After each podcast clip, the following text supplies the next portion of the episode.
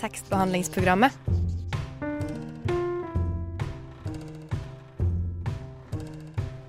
Tekstbehandling på radio.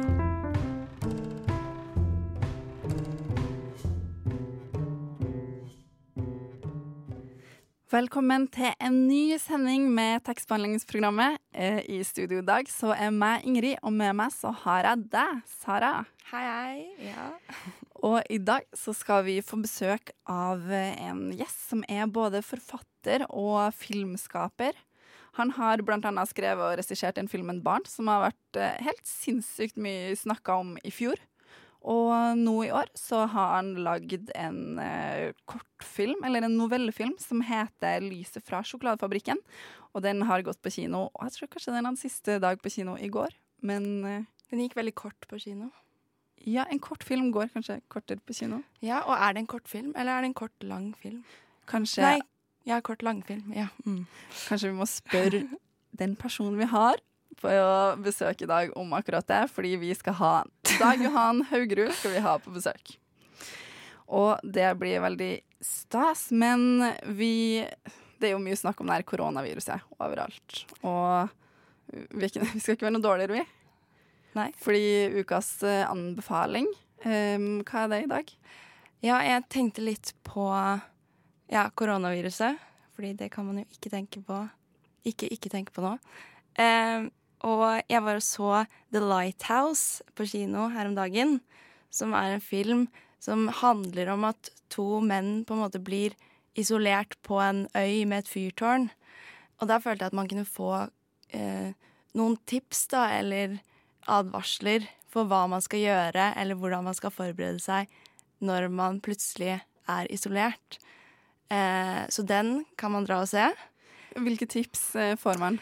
Eh, altså, man må for det første ha nok mat, og kanskje ikke så mye alkohol eh, tilgjengelig, fordi da blir det en lett utvei. Eller hvis man eh, vil drikke, så må man kanskje ha ja, kanskje ikke ren sprit. Det Mm. kan fort bli ja, litt ukoselig. Eh, og, men så tenkte jeg også eh, For da er det sånn Men hvis man først er isolert, så kan man jo ikke se denne filmen, for den går på kino. Eh, og da tenkte jeg på ja, Virginia Woolf, To the Lighthouse, men så også Et eget rom er ikke av Virginia Woolf, er ikke det å være isolert. Eh, En veldig god ting. Du, Ja, har, du kan være på ditt helt eget rom, ja, isolert. Og har du også nok eh, penger, som Virginia Woolf skriver om, så kan du også få skrevet en god del fantastiske bøker. ja, det tenker jeg òg. Det er en god mulighet til å skape sitt eget rom og bare fordype seg i det man Jeg har faktisk også et lite tips, og det Ja. er også en film som jeg heller tenker at du kan på en måte se hvis du er stuck pga. Eh, korona. Ja. Eh, og det er en ganske gammel film, men en veldig gøy film, som heter 'Skulk med stil'. Eller 'Fair Bueller's Day Off'. ja, den har jeg sett! Fordi den er sykt morsom, og der skulker han eh, og har bare en helt crazy dag, og han skulker på en så, så bra måte. Så jeg tenker at kanskje man bare skal se den og tenke at eh, jeg er ikke i um, eh, karantene, jeg skulker. Ja. Bare for en sånn litt sånn mental greie. Få det til å Ja, føles det blir litt mer mer spennende. Ja. Absolutt. Eh, så her, kjære lytter, eh, sitter du og hører på oss alene inn på rommet ditt fordi du er i koronakarantene. Så har du et par eh, gode tips her fra oss i tekstbehandlingsprogrammet.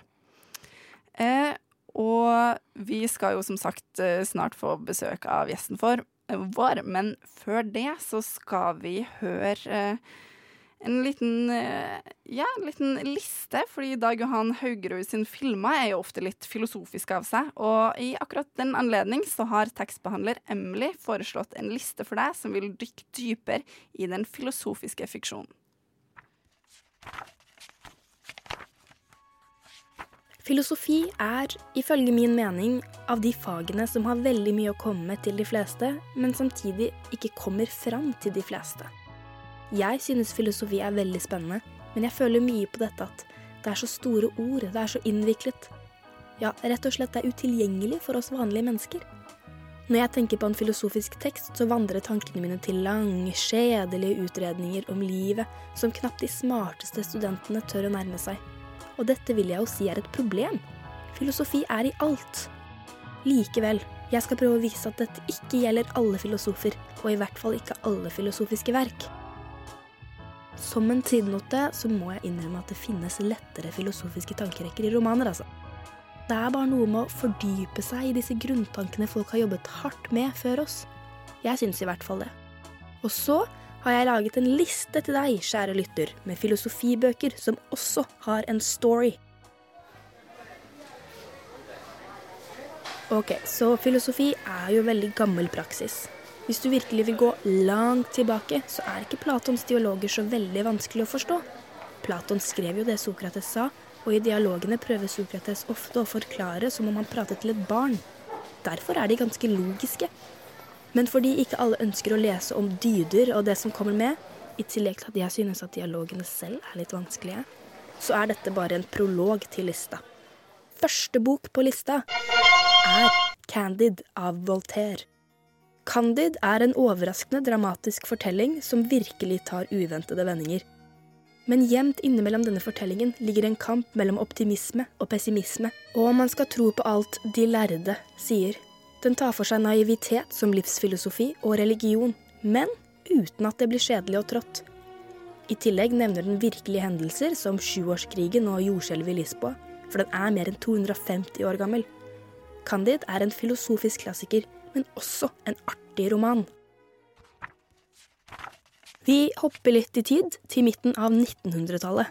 Da levde absurdisten Albert Camus.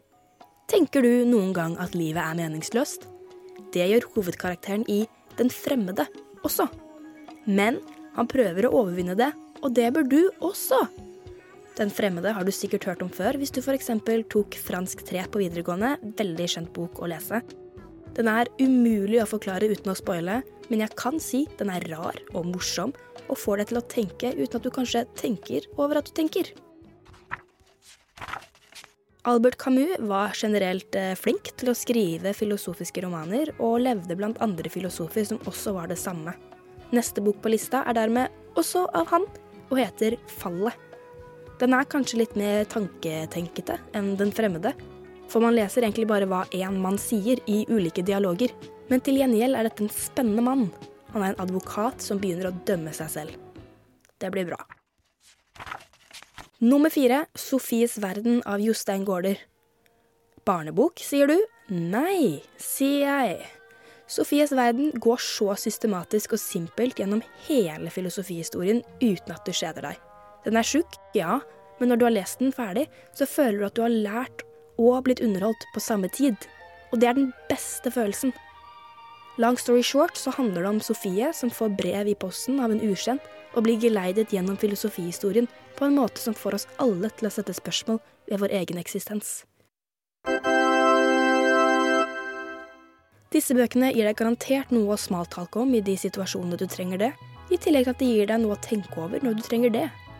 Etter min mening er denne lista solid for deg som snuser litt på filosofien. Og ja, halve lista mi er Albert Camus, men til gjengjeld er romanene hans korte og svært relevante for oss millennials som ser et håpløst blikk på omverdenen. Eller kanskje ikke de er relevante for deg. Filosofi er som baken, og det er derfor det er så gøy å være hverdagsfilosof. Hallo, mitt navn er Knut Nærum, og du hører på tekstbehandlingsprogrammet. Jeg går i hvert fall ut fra at du gjør det. Yes, du hører på tekstbehandlingsprogrammet, og vi har besøk av deg, filmskaper Dag Johan Haugerud. Hei. Hei. Og nylig så har du kommet med boka det her er, Nå har jeg vært for lenge, hatt for mange forfattere på besøk. For Ja. Nå sier jeg bok, men selvfølgelig så mener jeg film. Og det er filmen 'Lyset fra sjokoladefabrikken'. Og vi, vi tenkte at vi kunne starte med Vi har med oss litt uh, lyd som en liten trailer. Så vi tenkte at vi kunne starte med å høre på det. Et år på Toneheim folkehøgskole.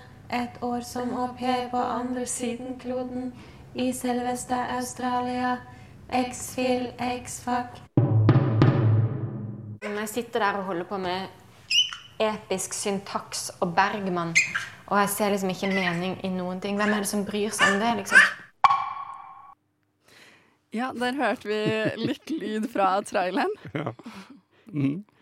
Um, kan du fortelle litt om hva slags mennesker vi møter i denne filmen? Ja.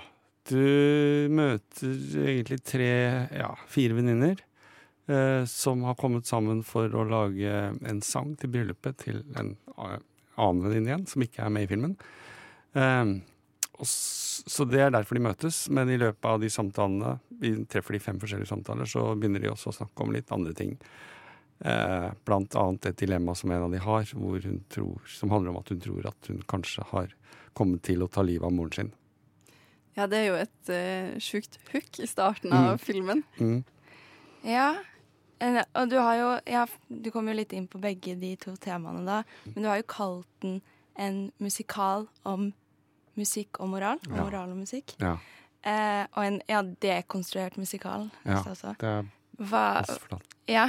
Mm, om. Mm. eh, hvorfor er, Eller sånn, på hvilken måte ble det en musikal? Altså, var det Nei, altså det hele utgangspunktet for denne filmen er jo litt annerledes enn eh, enn det vanlige utgangspunktet jeg har når jeg lager filmer. Fordi eh, det var fotografen Cecilie Semes som eh, var tilknyttet av det programmet som heter Program for kunstnerisk utvikling, en hun er stipendiat der. Eh, så hun spurte om jeg kunne skrive en filmscene som hun kunne teste ut og filme på ulike måter.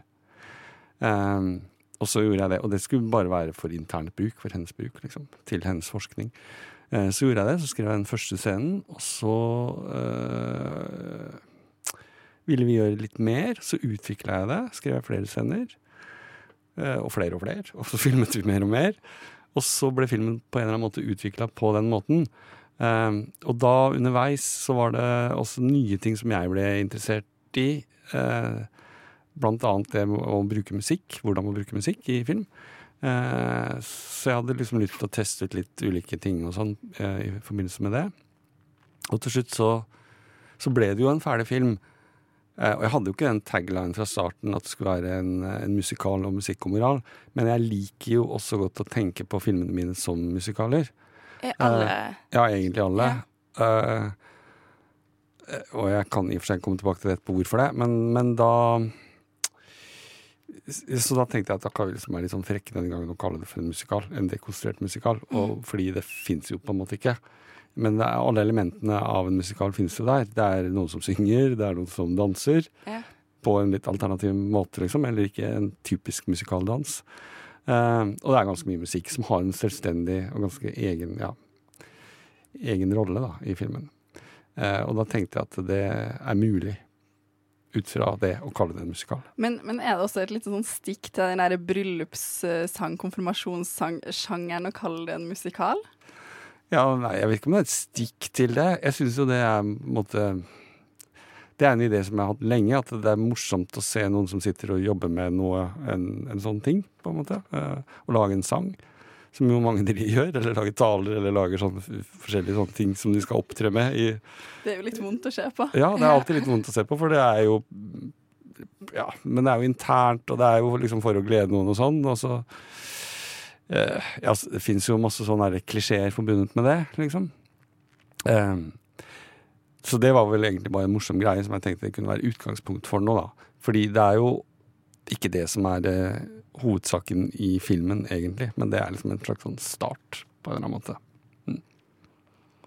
Vi skal jo snakke mer om musikk og sånn etterpå. Mm, mm, Eh, men en ting vi lurte litt på, var jo det at du bruker mange av de samme skuespillerne mm, i flere av filmene du har lagd. mm. Og hvorfor du gjør det? Hvorfor jeg gjør det? Eller er er det en veldig aktiv, et aktivt valg? Ja, det er det absolutt. Eh, og det handler litt om at eh, jeg skriver Når jeg skriver manus, så skriver jeg jo ofte med spesifikke skuespillere i tankene Ja. til de ulike rollene. Eh, eh, og da vet jeg jo ikke om de vil eh, si ja til å spille de rollene hvis det blir en film. Det er jo et veldig stort kompliment, da. Eh, Hvis du pitcher det inn på den måten. ja, ja, det kan du si. Det spørs jo hvordan det blir, det. I og for seg. Eh, men eh, men det, for det føles lettere, syns jeg, for meg å skrive med når jeg har liksom et ansikt og en stemme og en personlighet som jeg tenker kan liksom fylle den rollen, da, eller ja. Eh, så, så det er vel liksom det, men så er det jo ikke nødvendig at det blir sånn, for det er jo ikke alltid at det ender med å bli sånn, faktisk. Det kan hende at det er noen andre skuespillere som får rollen. Men eh, apropos musikk, så har jo du valgt noen låter for oss i dag. Ja, ja. Og en av dem var jo en veldig lang låt som du Mm. ba oss eh, om å klippe litt i. Mm. Kan du fortelle nå hvorfor du valgte den? Nei, altså jeg har valgt to, jeg skulle velge tre, eh, men de to låtene henger litt sammen. Fordi eh, da jeg laget lyst til eh, lyset fra sjokoladefabrikken, så eh, forska jeg jo litt sånn i forskjellige typer musikk som kunne brukes, og sammenhenger i musikk og ja. Eh, Og da, i den liksom forskningen der, da, så kom jeg borti en komponist som heter Julius Eastman, som jeg syntes var kjempeinteressant å lese om. Jeg leste en biografi om han. Eh, og da begynte jeg å høre på mye av den musikken også, og da fant jeg noe sånn type musikk som jeg tenker at det hadde vært interessant å kanskje utvikle i en annen film igjen. Eh, har du en anbefaling? Ja, jeg har en bokanbefaling. En eh, litterær anbefaling. Det må ikke være litterært. Jeg tenkte egentlig å anbefale eh, tekstbehandlingsprogrammet. TBP. Takst, takst, tekstbehandlingsprogrammet. Så kan Tekstbehandlingsprogrammet. Det er jo en super, super anbefaling. Og hvis du trenger en super anbefaling, så vil jeg faktisk anbefale eh, Lyset fra sjokoladefabrikken, som er en veldig fin film. Og i dag så har vi jo med oss eh, filmskaperen av denne filmen. Både manus og regi. Og det er jo mye um, Som vi kom inn på i stad, så er det jo veldig mye musikk eh, i denne filmen. Og eh, kan ikke du fortelle litt mer om hvorfor du valgte å bruke eh, en sånn bryllupssang som ramme for å fortelle de her historiene? Uh, ja, det handler vel mer om at det uh, var et bra utgangspunkt for en situasjon. At venninner treffes for å jobbe fram noe sammen.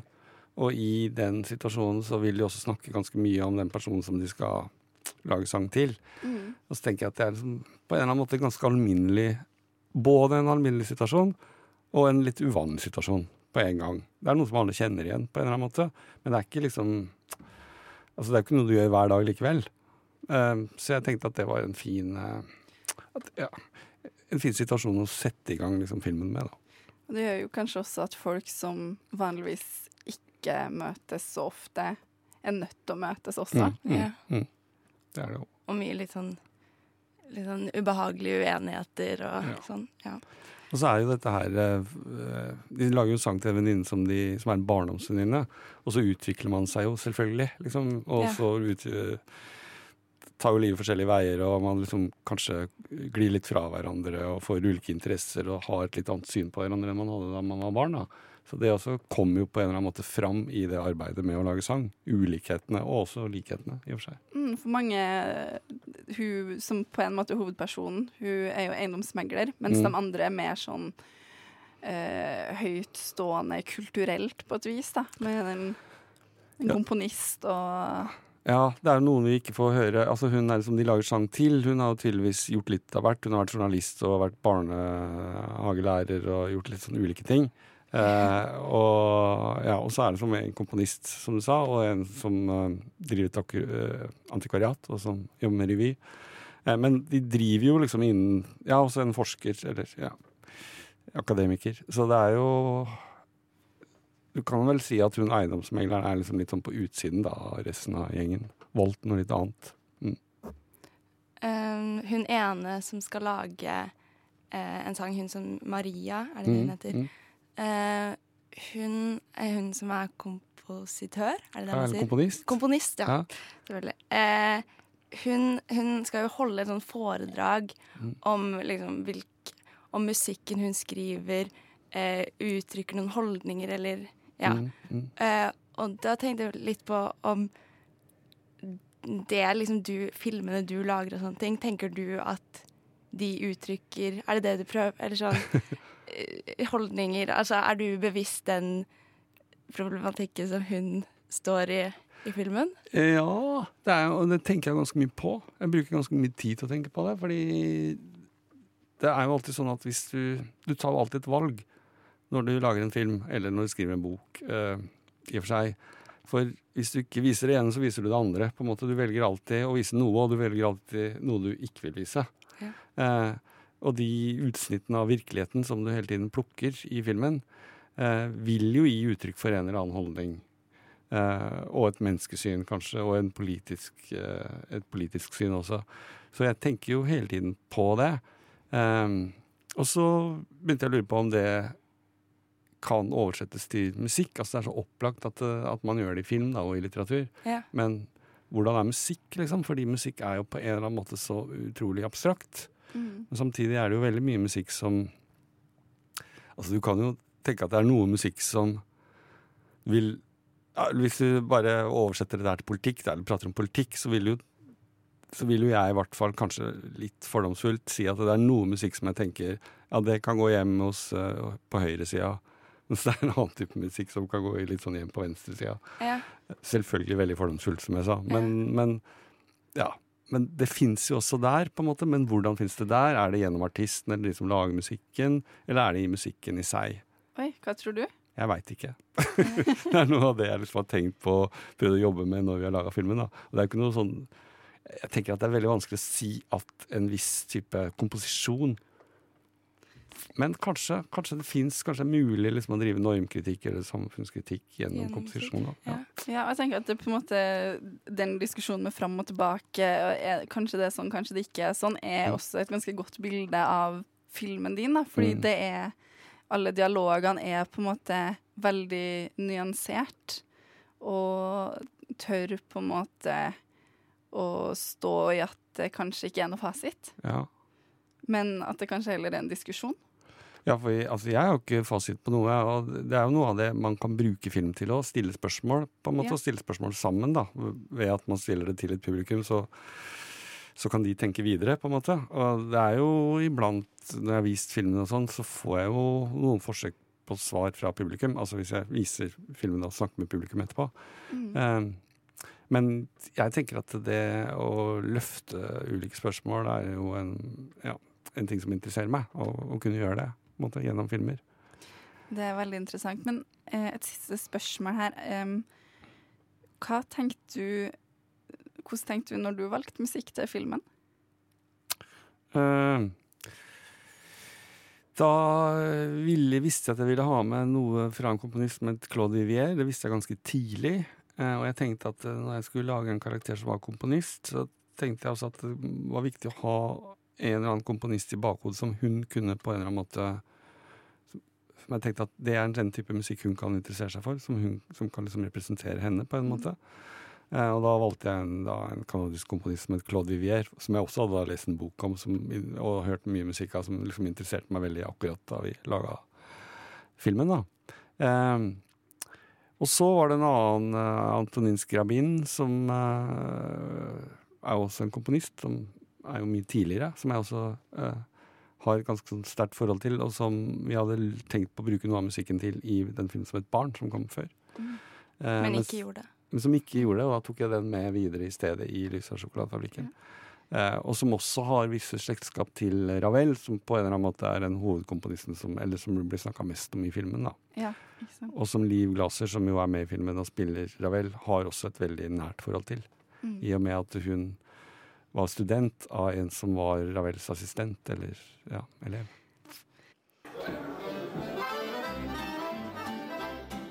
Hvis du går hjem med noen og de ikke har bøker, ikke knull dem.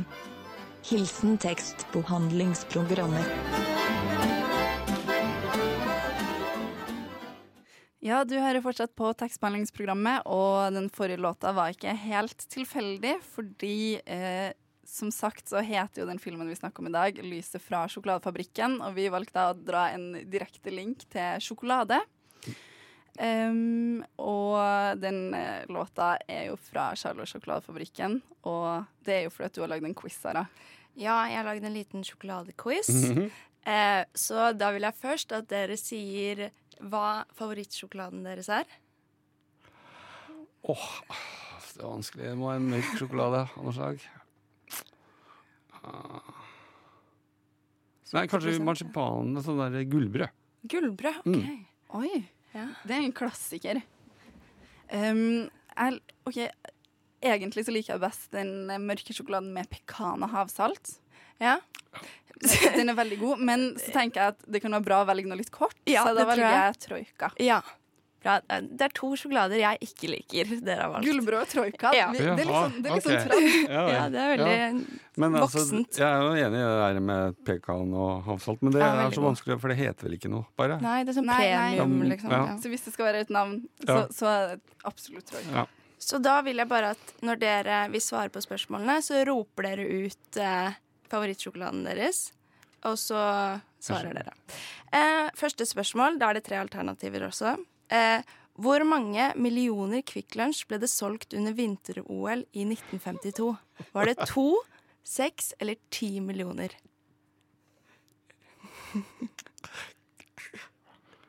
Gullbrød. Ja. Hvor mange tror du det er gullbrød? Seks. Mm, det er feil. Vil du prøve? Troika. Ja. Uh, to. Nei, det er ti. Ti. Begge tok feil. Ja. Ehm, og så Da er nest- det 0-0. Det er 0-0, ja. Ti millioner. Ja, det er helt helt sjukt. Mm. Ja. Eh, hvem har skrevet 'Charlie og sjokoladefabrikken'? Gullbrød. Jepp, Det er Roald Dahl. riktig. Da er det 1-0 til Gullbrød. Eh, nummer tre. Eh, Marabu-storken er Freias varemerke. Men liker Marabu-storken sjokolade? Ja, nei eller det er uvisst. Eh, troika. Mm. Eh, det er uvisst. Riktig. Eh, skild, ja, der har skilde på det òg. eh, og så siste spørsmål. Hva var Freia melkesjokolade sitt slagord når det først ble lansert? A. Det norske folks egen sjokolade. B. Virker opplivende og bidrager til at be bevare sinnets munterhet. Eller C. Sjokoladen som passer til å spises etter fredagstacoen. Gullbrød. Ja, Jeg tror det er den andre. det er helt riktig. Mm. Da har vi en vinner. Eh, gullbrød! Det var jo kanskje ikke Du har jo kanskje måttet ha gjort litt research på den Ja. filmen din. Du har sikkert juksa litt. Nei, jeg er bare litt eldre. Jeg tror ikke det er det. At jeg, får, jeg, har, jeg husker jo ikke akkurat den der andre, men jeg har hørt det en eller annen gang. Ja. Ja. Mm. Det var også litt sånn Det var vanskelig å skulle skrive noen alternativer som hadde det samme sånn gamle språket. Ja. Men du klarte ikke å lure meg med den taco-greia, altså. Nei, du, Nei. eh, nei, du hadde ikke tenkt til å svare. Hadde ikke tenkt å svare den. Men passer veldig bra. Nei, men da har vi i hvert fall fått uh, funnet ut av hvem som er best eh, på sjokolade Ja. eh, her i studio. Og det er da, Det var veldig vitenskapelig. ja. Ja. Dette kan du skrive Ja. på CV-en. Mm. Absolutt. Eh, vi går eh, videre, og da skal vi høre en låt som ikke er fra Charlo Sjokoladefabrikken, men Mm. som du har valgt. Mm. Eh, det er Diana Ross. Mm. Men kan jeg få si litt om Fordi at den første som jeg hadde valgt, den eh, Stay On It av Julius Eastman, for jeg sa ikke noe om den. Nei. Eh, fordi den er jo eh, Han var jo en minimalistisk komponist, eller jobba med minimalisme. Og han eh, jobba liksom samtidig med Stevie Reich og Philip Glass og sånne som også jobba liksom med minimalisme, men de drev mer med, liksom, eller mer med det repetitive. Eh, og det gjorde Julius Eastman òg, men han gjorde det på en litt annen måte. Og det var me- handler mer om beat, handler mer om en Ja, mer om beat og rytme enn bare repetisjon. Eh, og han har nok mer inspirert av disko enn av minimalistisk eh, samtidsmusikk. Okay. Eh, og det Nå har vi jo spilt den, så jeg vet ikke om dere liksom kan uh, tilbakekalle hvordan den var. Men jeg, jeg, jeg har liksom prøvd liksom å høre på både den ganske mye, og høre på disko, og høre liksom om det stemmer, på en eller annen måte. Eh, Når er den fra? Kan jeg Den uh, Stay On It er fra 1973, og den vi skal høre nå Han var veldig glad i Diana Ross. Uh, den vi skal høre nå er fra 1976, så han kan ikke ha vært direkte inspirert av den.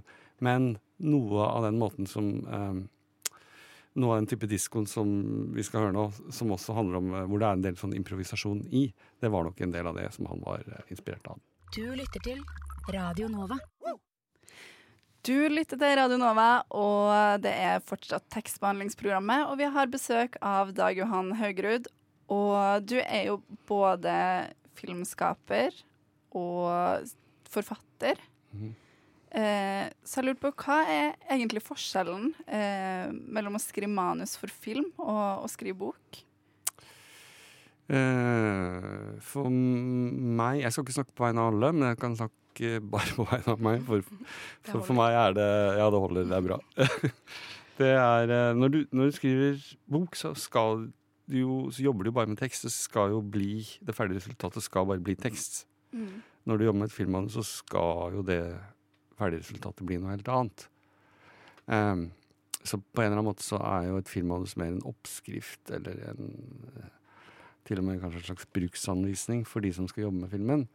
Ehm, og, men samtidig så må den jo også som tekst være engasjerende og interessant og underholdende for at folk skal på en eller annen måte få input og få lyst til å jobbe med filmen. Eh, så det krever jo at den har noen slags litterære kvaliteter likevel. Ja. Men alt, når du jobber med en roman, så jobber du jo kun med på en måte språket. Og, og baker det sammen til å bli den teksten som skal bli romanen. Eh, men en, et filmmanus skal jo ikke bli tekst. Men tenker du at eh, teksten i en bok Altså sånn eh, hvor, Hvordan man bruker det på forskjellige måter, liksom som en sånn eh, Nå skal jeg prøve å formulere meg litt mm. klarere. Men eh, at du kan få sagt mer med tekst i film eller bok, på en måte? Eller er det bare to forskjellige Det er to forskjellige ting, og jeg tenker nok at, du ikke, at det fins nesten ingenting du ikke kan si i en bok, eller uttrykke gjennom tekst.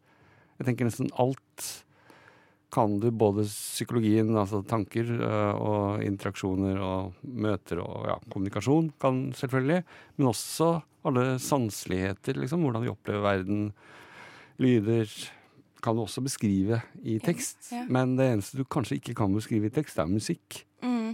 faktisk. Altså Jeg kan beskrive hvordan eh, et musikkstykke høres ut, men det vil allikevel ikke gjøre at du hører den musikken. Var det litt derfor du mener at alle filmene dine er musikaler? Fordi du på en måte Ja, fordi på en eller annen måte det er, Dette er ikke helt sant, men det er litt sant. Eh, fordi det er kanskje en av, de, en av grunnene til at jeg har lyst til å lage film. Fordi da får du også med det elementet. På en Ja. måte Du kan jobbe med det. Det er Men- på en eller annen måte et slags sånn totalverk, da.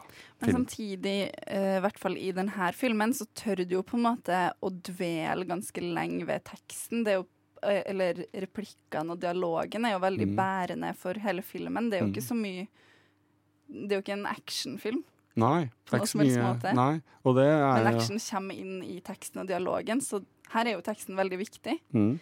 Tror du at det at du har skrevet bøker, har på en måte blitt med å forme det på et vis? Ja, det tror jeg helt sikkert. Fordi i og med at kanskje det som jeg syns er mest interessant ved å lage film, og er å skrive, er liksom manusbiten, så er jo det som vil jo det alltid bli viktig. Det som sies i de filmene, er, er kjempeviktig for meg. Eh, og måten det sies på, selvfølgelig. Men eh, ja. Det er også veldig realistiske dialoger. Ja, jeg veit Samtidig ikke. som de er litt sånn Men, men er du uenig i det? Ja, fordi at filmdialog er jo liksom ikke realistisk. Det er ikke sånn snakker. Det er jo sk Det er jo kanskje på en måte et regigrep, da. Prøve å gjøre det realistisk, eller prøve å gjøre det troverdig. For Man jobber jo liksom innen en realistisk ramme. Det er jo det. Og da bør jo den dialogen også oppleves sånn. Men det er jo skrevet. Ja. Mm. Og Det det har en retning. Det er kanskje den, eh, den settinga det putta i med den uh, bryllupssangen og sånn, som gjør det veldig realistisk, fordi de alltid må snakke om de praktikalitetene rundt det innimellom. Mm. Det er, ja. Og fordi jeg tenker jo at det interessante er liksom å prøve å fange det hverdagslige og det al alminnelige på en eller annen måte. Og da må du jo det, det gjør jo også kanskje at dialogen bør ha et element av pludring. Mm. Men hvis det bare blir pludring, så blir det liksom ingenting. Nei. Så en filmdialog er jo nødt til å ha en retning. Den må jo et sted, liksom. Eh, og på den måten er den jo eh, urealistisk, vil jeg si. Fordi hvis jeg møter en venn eller venninne, så kan vi bare sitte og pludre om alt og ingenting liksom, i flere timer. Og hvis man hadde hørt på det, så hadde det liksom ikke ført noe sted. Nei. Da har vi Vi må avslutte nå, men vi har et siste spørsmål. Mm. Kunne bøkene dine vært filma? Og filmene dine bøker? Jeg, jeg, jeg, det tror jeg. Men ikke Jeg ville ikke filma mine bøker. Men noen andre jeg hadde ikke hatt lyst til at noen andre skulle gjort det heller. Men jeg tror jo selvfølgelig det kunne vært det. Du kunne angrepet Jeg kunne også angrepet teksten på en måte som hadde gjort at eh, manusene kunne vært bøker. Mm. Eh, eh, så ja, det, så svaret er ja. Tusen takk for at du kom på besøk til oss i dag. Men takk for at jeg fikk komme. Hallo, Chartersveien her. Jeg passer jaggu meg inn i tekstbehandlingsprogrammet også. Jeg syns at døra bør stå på gløtt. Tekstbehandlingsprogrammet holder døra oppe for alle. Lar du døra di være litt åpen, gir du ei hånd Hvor mye kan eh, litteraturen egentlig kreve? Skal man kjempe seg gjennom sidene? Og skal man virkelig fortsette når det er et strev? Ja, mener tekstbehandler Alva. Jeg syns vi burde være mindre redd for vanskelig litteratur. Alt i hverdagen skal være minst mulig komplisert. Og jeg liker ikke at denne tankegangen også kan smitte over på litteraturen. Det er viktig at en tør å kreve litt av en leser. Man burde ikke gi opp eller ignorere å lese krevende bøker. For med å gjøre det, så mister man mange ulike synspunkt og vinklinger. Det blir litt som å være i en debatt og ignorere hva motstanderen din prøver å fortelle. Det er en del bøker jeg har strevd å komme i gang med. Og det er en del bøker jeg aldri har kommet i gang med. Boken How to be both av Ellie Smith var en av mine aller første møter med krevende litteratur. Men jeg angrer ikke ett sekund på at jeg presser meg til å lese den videre. Ta det med ro. Jeg mener ikke at litteraturen bare skal være krevende og vanskelig. Men det er viktig å huske på at litteraturen er jo ikke én spesiell ting eller har en spesiell funksjon, og at litteraturen dermed kan både være underholdning, men òg en kilde til utfordring. Klisjéfullt sagt tror jeg mange glemmer den utfordrende delen av litteraturen i en hektisk hverdag. Jeg liker å dra på kino når jeg skal se filmer jeg egentlig ikke vil se. Så når jeg sitter i kinosalen, så har jeg ikke mulighet til å rømme hvis det skulle bli ubehagelig eller krevende. Kanskje man burde tenke litt på samme måte når det gjelder litteraturen? At av og til må man tørre å gå inn i den og bli værende, sjøl om det skaper et ubehag eller er krevende. Jeg skal prøve å lese flere bøker der hovedkarakteren ikke har min automatiske sympati fra første kapittel.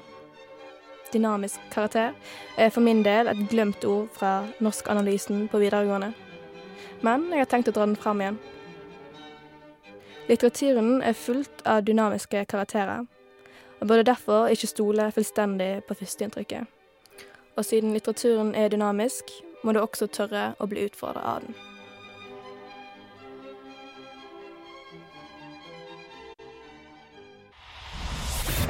Radio Nova er best. Alle andre er tapere. Radio Nova. Da var vi ferdig for i dag. Det gikk fort. Det gjør det. Håper det også gikk fort for deg som hørte på. Eller at det var liksom langt og deilig. Ja. Uansett eh, så håper jeg at du kunne ønska at det fantes mer tekstbehandlingsprogrammer. Ja, og det gjør det jo. Man kan høre på tekstbehandlingsprogrammet på podkastapper, laste det ned, og på Spotify. Mm, du kan også abonnere på oss, så slipper du å tenke noe på det. Du vil bare havne rett i din mobil.